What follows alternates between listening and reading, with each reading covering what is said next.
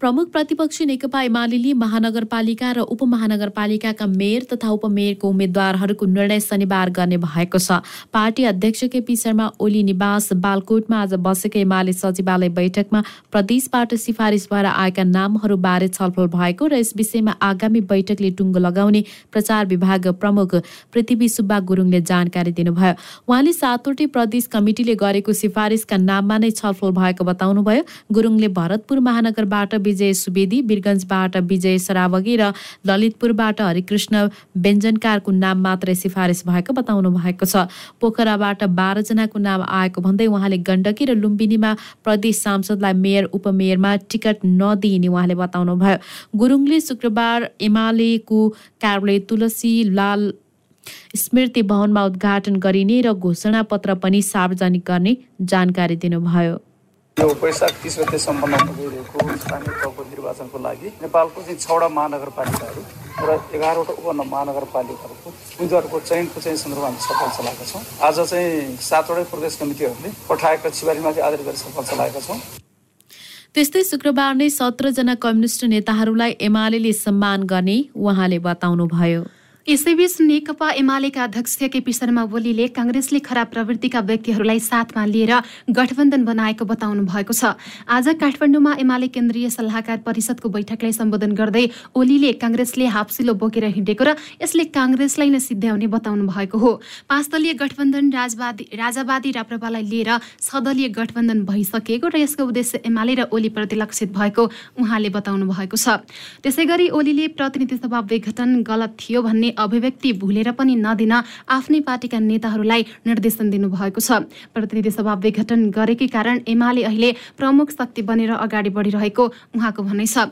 ओलीले एमाले हरेक समयमा ठिक निर्णय गर्दै अघि बढेको धारणा राख्नु भएको छ। उहाँले प्रमादेशबाट बनेको सरकारलाई जनादेशबाटै हटाएर सिंहदरबार फर्किने बताउनुभयो। प्रतिनिधि सभाको विघटन बिल्कुल जायज आवश्यक थियो र नै आज हामी यहाँ छौँ। आज प्रमुख शक्तिको हैसियत हामीले किन कायम गरेका छौँ र देशमा एमालेको लहर कसरी सिर्जना गरेका छौँ भने होइन भने एमाले गन्तव्यहीन दिशाहीन भएर खतम भएर यो ध्वस्त बनेर प्रचण्ड माधव जस्ताहरूको कब्जामा भाइलाई के बनाउने बुहारीलाई के बनाउने छोरीलाई के बनाउने कसलाई के बनाउने त्यसैमा केन्द्रित भएर समाप्त कार्यक्रममा एमाले केन्द्रीय सल्लाहकार परिषदका सदस्यहरूलाई शपथ खुवाइएको थियो। यसैबीच भरतपुर महानगरको प्रमुखका लागि उम्मेद्वारी दिन बागमती प्रदेशसभा सदस्य विजय सुवेदीले पदबाट राजीनामा दिनुभएको छ। आज सुवेदीले प्रदेश सभाका सभामुख सानुकुमार श्रेष्ठ समक्ष पदबाट राजीनामा दिनुभएको हो। उहाँको राजीनामा स्वीकृत भएको छ। वैशाख तिस गते हुने स्थानीय तहको निर्वाचनमा भरतपुर महानगरपालिकाको मेयरमा उठ्न लागेकाले प्रदेशसभा सदस्यबाट राजीनामा दिएको उहाँले बताउनुभयो। सुवेदी एमालेबाट भरतपुर महानगरपालिकाको मेयरमा सिफारिस हुनुभएको छ। निर्वाचन आयोगले वैशाख तिस गते हुने स्थानीय निर्वाचनमा उम्मेद्वार बन्न पदबाट राजीनामा दिनै पर्ने बाध्यकारी व्यवस्था गरेको छ। नेकपा माओवादी केन्द्रका अध्यक्ष पुष्पकमल दाहालले टिकापुर घटनामा दोषी ठहरिएका रेशम चौधरीलाई निर्दोष भएको बताउनु भएको छ। माओवादी केन्द्रले कैलालीको गौरीगङ्गा नगरपालिका स्थित मसुरियामा आयोजना गरेको पार्टी प्रवेश कार्यक्रममा बोल्दै अध्यक्ष दाहालले रेशम चौधरीको टिकापुर घटनामा कुनै संलग्नता नरहेको र उनी निर्दोष रहेको तर उनलाई फसाइएको दावी गर्नुभएको छ।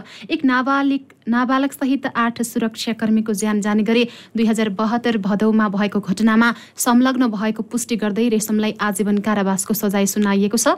अध्यक्ष दाहालले रेशम चौधरी निर्दोष रहेको भन्दै उनका विषयमा एक दुई दिनमै सरकारसँग गम्भीर रूपमा छलफल गर्ने बताउनु भएको छ। त्यसै गरी दाहालले सत्तारूढ दलहरू बीचको गठबन्धन जसरी पनि बचाउनु पर्ने भन्दै आवश्यक परेको ठाउँमा तालमेलका लागि लचक हुन कार्यकर्तालाई निर्देशन दिनुभएको छ। उहाँले सत्तारूढ गठबन्धन बीच चुनावी तालमेल हुन नदिने अनेक षड्यन्त्र भएको र आफूहरूले असफल पारेको दावी समेत गर्नुभएको छ। अहिले माओवादीको न नीतिकै ओरापर राजनीति केन्द्रित भएको भन्दै दाहालले सङ्घीय चुनावपछि देशको नेतृत्व लिने समेत दावी गर्नुभएको छ। राष्ट्रिय प्रजातन्त्र पार्टीका अध्यक्ष राजेन्द्र लिङ्गदेनले देशलाई बचाउन र समृद्धिको बाटोमा लैजान सही नेतालाई चुनेर भोट दिन नेपाली जनतालाई अपिल गर्नुभएको छ। आज राष्ट्रिय प्रजातन्त्र पार्टी बुटौल उपमहानगर समितिले बुटौलमा आयोजना गरेको आमसभालाई सम्बोधन गर्दै देश अत्यन्तै गम्भीर अवस्थामा पुगेकोले देशलाई बचाउन अब नेपाली जनताले ठिक पार्टी र ठिक मान्छे छनौट गर्न अपिल गर्नुभएको हो। उहाँले नेताहरूले राजनीतिलाई लुटेर खाने पेसा बनाएको भन्दै देशको समस्या समाधान गर्ने वैकल्पिक पार्टीको रूपमा राष्ट्रिय प्रजातन्त्र पार्टी अगाडि आएको दावी पनि गर्नुभएको छ। अध्यक्ष लिङदेनले आफ्नो पार्टीले लिएको योजना र सङ्कल्प पुरा गर्न पनि नेपाली जनताले यसपालि आफूहरूलाई सहयोग गर्नुपर्नेमा जोड दिनुभयो। उहाँले अहिले देशका तीनवटा अङ्गहरूका बीचमा नियन्त्रण र सन्तुलनको अवस्था बिग्रिएकोले देश सङ्कटमा फँसेको बताउनुभयो। उहाँले संसद संसद जस्तो नभएको सरकार सरकार जस्तो नभएको उल्लेख गर्नुभयो। अध्यक्ष लिङदेनले नेपालका ठुला पार्टीहरूले बत्तीस वर्षदेखि नेपाली राज नेपाली जनतालाई झुक्क्याएर राखेकोमा खेद प्रकट गर्दै राजनीतिमा भ्रष्ट प्रवृत्ति मौलाएकोले यसको अन्त्य गर्ने काममा आफूहरू लागेको बताउनुभयो।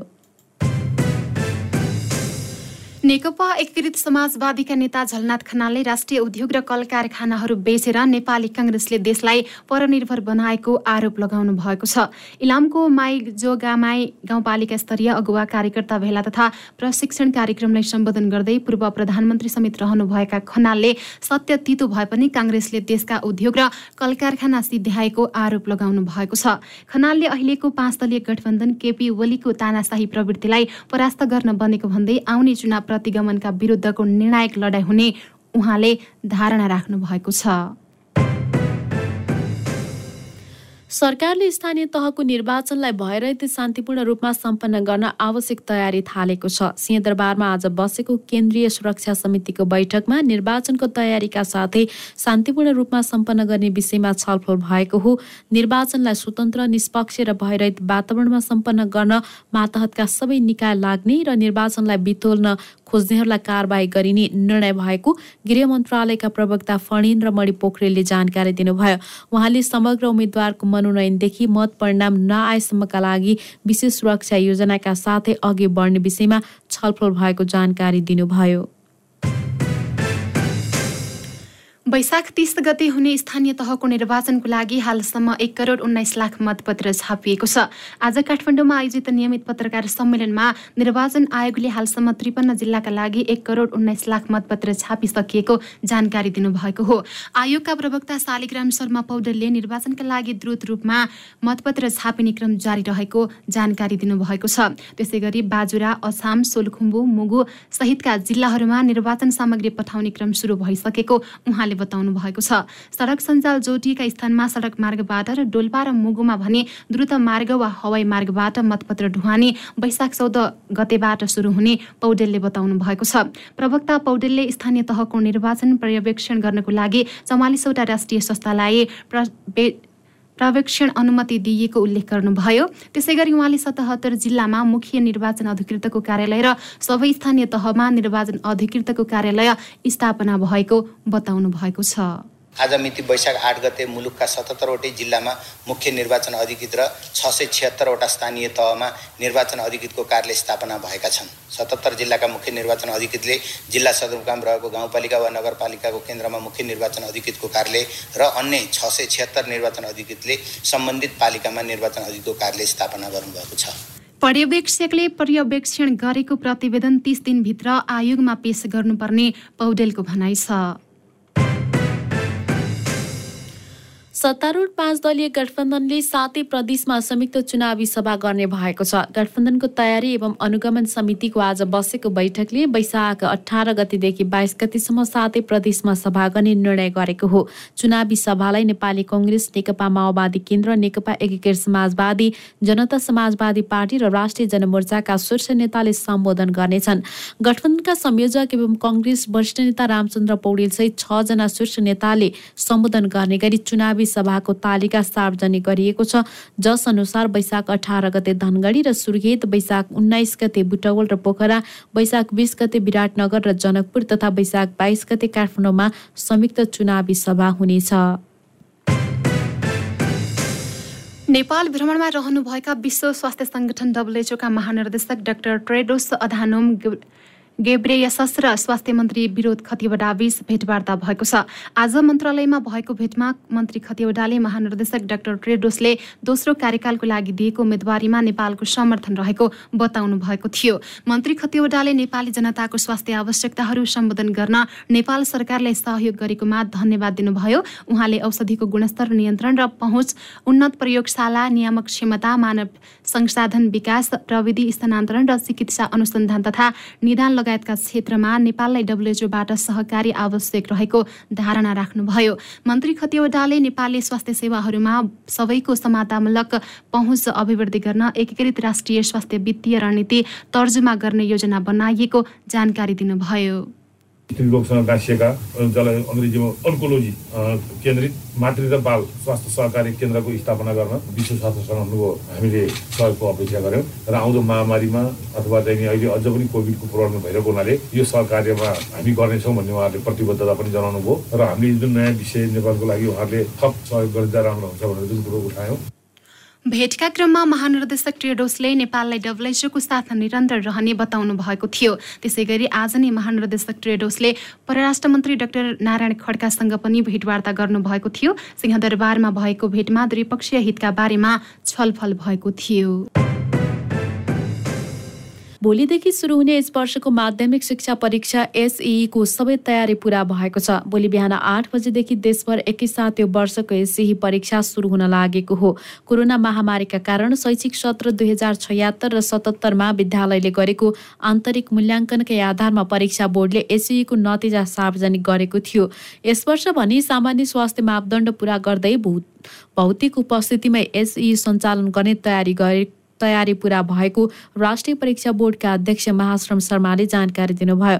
परीक्षाका लागि केन्द्रहरूमा आवश्यक पर्ने प्रश्नपत्र उत्तर पुस्तिका लगायतका आवश्यक सामग्री जिल्ला जिल्लामा पठाइसकेको उहाँले बताउनुभयो। एसईका लागि देशभर दुई हजार सात सातवटा परीक्षा केन्द्र निर्धारण गरिएको छ। परीक्षामा यस वर्ष एघार हजार छ सय पन्ध्र विद्यालयबाट नियमिततर्फ छात्र एक लाख सन्ताउन्न हजार नौ सय चौधजना र छात्रा दुई लाख सन्ताउन्न हजार त्रिपन्नजना गरी पाँच लाख चौध हजार नौ सय सडसठी परीक्षार्थी सहभागी हुनेछन्। तेह्रवटा सडक आयोजनाको ठेक्कामा गुणस्तरहीन काम गर्दा पनि भुक्तानी दिएको भन्दै अख्तियार दुरुपयोग अनुसन्धान आयोगले कैलालीको गोदावरी नगरपालिकाका तत्कालीन प्रमुख प्रशासकीय अधिकृत सहित सातजना विरुद्ध भ्रष्टाचार मुद्दा दायर गरेको छ। तत्कालीन प्रमुख प्रशासकीय अधिकृत खेमराज विष्ट र देवराज जोशीले प्राविधिकको कार्यक्षेत्रमा प्रवेश गरी गलत तथा गुणस्तरहीन कार्यको नापी किताबमा समेत सहमति जनाए ठेकेदारलाई भुक्तानी गरेको भन्दै अख्तियारले विशेष अदालतमा भ्रष्टाचार मुद्दा दायर गरेको प्रवक्ता श्यामप्रसाद भण्डारीले जानकारी दिनु भएको छ। अख्तियारले गोदावरी नगरपालिकाका तत्कालीन प्रमुख इन्जिनियर पूर्ण कुँवर सब इन्जिनियर ज्ञानेन्द्र बुढा सब इन्जिनियर नरेन्द्र शाही प्राविधिक पूर्वाधार कार्यालयमा कार्यरत ल्याब टेक्निसियन धनबहादुर विष्ट र निर्माण व्यवसायिक गणेश विष्ट विरुद्ध पनि भ्रष्टाचार मुद्दा दायर गरेको छ। पछिल्लो चौबिस घण्टामा नेपालमा पन्ध्रजनामा कोरोना संक्रमण पुष्टि भएको छ। देशभर गरिएको दुई हजार त्रियासी पिसिआर परीक्षणका क्रममा बाह्रजना र एक हजार चार सय चौसठी एन्टिजेन परीक्षणमा तीनजनामा संक्रमण पुष्टि भएको हो। आज बत्तीस संक्रमित संक्रमण मुक्त भएका छन्। हाल नेपालमा दुई सय अन्ठानब्बे सक्रिय संक्रमित रहेको मन्त्रालयले जनाएको छ। ललितपुरको लगनखेलमा रहेको औद्योगिक क्षेत्रस्थित सगरमाथा अक्सिजन प्लान्ट विस्फोटमा घाइते थप एकजनाको मृत्यु भएको छ। आज बिहान भएको विस्फोटमा मृत्यु हुनेको सङ्ख्या यो सँगै दुई पुगेको छ। ललितपुर प्रहरी परिसरका अनुसार मृत्यु हुनेमा भारत घर भई ललितपुर अठार बस्ती आएका पच्चिस वर्षीय राजकुमार महतो रहेका छन्। उपचारको क्रममा उनको मृत्यु भएको प्रवक्ता सिद्धि विक्रम शाहले जानकारी दिनुभएको छ। यसअघि विस्फोटमा परि ग्यास भर्न पालो कुरेर बसेका भारतीय कामदार ब्रिज महतोको घटनास्थलमै मृत्यु भएको थियो। घटनामा सातजना घाइते भएको र केही सामान्य उपचारपछि घर फर्केको प्रहरीले जनाएको छ।